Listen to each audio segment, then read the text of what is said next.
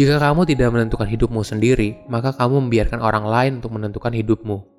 Menjadi sesuatu yang kamu inginkan bukanlah sebuah tujuan, tapi sebuah perjalanan tanpa akhir untuk terus-menerus menjadi versi terbaik dari dirimu. Halo semuanya, nama saya Michael. Selamat datang di channel saya, Sikutu Buku. Kali ini saya akan bahas buku Becoming karya Michelle Obama. Buku ini membahas soal perjalanan Michelle mulai dari masa kecilnya hingga menjadi African American First Lady pertama di Amerika Serikat. Selama suaminya menjadi presiden, Michelle merupakan sosok yang populer. Bahkan popularitas Michelle menyamai Barack. Di sini, Michelle banyak memberikan sudut pandang lain yang belum pernah kita lihat. Dia banyak menceritakan tentang dirinya, keluarganya, kecintaannya terhadap Amerika Serikat, dan berharap masa depan yang lebih baik. Bahkan di bukunya, Michelle banyak menceritakan hal yang private, seperti keguguran, penggunaan bayi tabung, hingga ketidakpercayaannya ketika Barack berkeinginan untuk menjadi kandidat presiden di Amerika Serikat. Saya merangkumnya menjadi tiga hal menarik dari buku ini. Yang pertama, jangan biarkan keadaan menghentikanmu. Ketika Michelle masih di sekolah, dia pergi ke sekolah yang biasa saja. Tapi orang tuanya selalu mendukung dia untuk mendapatkan kesempatan terbaik dan mendorongnya untuk maju. Setelah mengunjungi kakaknya yang sudah kuliah di Princeton University, dia memutuskan untuk kuliah di sana juga. Tapi konselor universitas mengatakan kalau Michelle itu tidak cocok di Princeton. Karena pada masa itu, mayoritas mahasiswa Princeton berkulit putih dan sebagian besar pria. Komentar itu tidak mengecilkan Michelle, melainkan dia berusaha keras untuk masuk di sana. Akhirnya, 6 hingga 7 bulan kemudian, Michelle mendapatkan informasi kalau dia diterima di Princeton. Ketika awal Barack Obama menjadi kandidat presiden Amerika Serikat, Michelle sempat ragu. Bukan karena kapabilitas Barack, dia yakin Barack mampu menjadi presiden yang hebat. Cuma, dia tidak pernah menyangka Amerika akan memilih presiden berkulit hitam.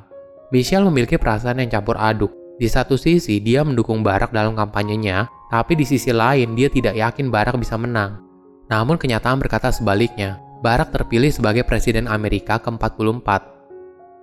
Kedua, pernikahan Barack dan Michelle.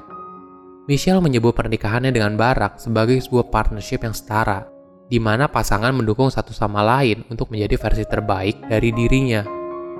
Mereka melihat pernikahan sebagai penyatuan dua orang yang saling mencintai dan mampu memiliki mimpi dan ambisinya masing-masing. Ketika mereka bertunangan, Michelle merasa tidak puas dengan pekerjaannya sebagai corporate lawyer. Kemudian datang kesempatan untuk menjadi asisten wali kota di Chicago. Tentu saja Michelle sangat senang, tapi ada konsekuensinya, yaitu gajinya yang jauh lebih kecil daripada pekerjaannya sebagai corporate lawyer. Awalnya Michelle pun bingung, namun Barack yang mendukung Michelle untuk mengambil kesempatan itu. Barack tidak pernah meragukan intuisi dan kapabilitas Michelle.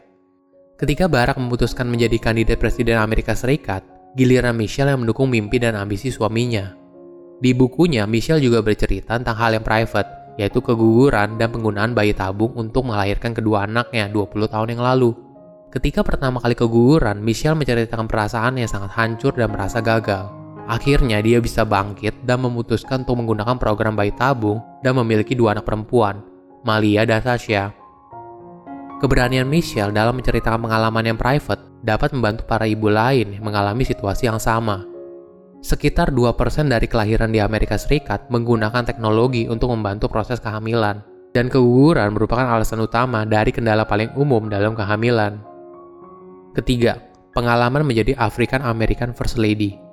Awalnya Michelle merasa dirinya berbeda karena dia merupakan African American First Lady pertama di Amerika Serikat. Namun, ternyata ada ritual yang sudah dilakukan oleh setiap First Lady terdahulu ke First Lady yang baru.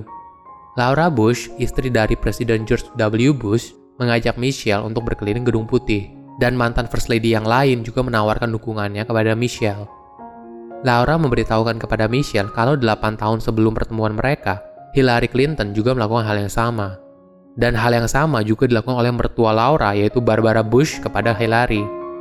Ini merupakan momen yang menyentuh dan Michelle juga berniat untuk membagikan pengalamannya selama menjadi First Lady ke First Lady selanjutnya. Cuma sayangnya tidak terjadi karena Melanie Trump tidak pernah memintanya. Michelle juga menceritakan masa terkelam suaminya selama menjadi presiden. Saat itu, di tahun 2012, seseorang menembak 20 murid dan 6 guru di sekolah dasar Sandy Hook di Newton, Connecticut. Kejadian ini sangat berbekas sekali pada Barack. Ini merupakan momen selama 8 tahun menjadi presiden, Barack meminta waktu untuk bertemu dengan Michelle di siang hari. Michelle sadar kalau suaminya membutuhkannya dan dia harus di sana untuk menemaninya. Jika kamu tidak menentukan hidupmu sendiri, maka kamu membiarkan orang lain untuk menentukan hidupmu. Menjadi sesuatu yang kamu inginkan bukanlah sebuah tujuan, tapi sebuah perjalanan tanpa akhir untuk terus-menerus menjadi versi terbaik dari dirimu. Silahkan komen di kolom komentar pelajaran apa yang kalian dapat ketika baca buku ini.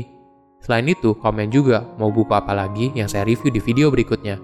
Saya undur diri, jangan lupa subscribe channel YouTube Sikutu Buku. Bye-bye.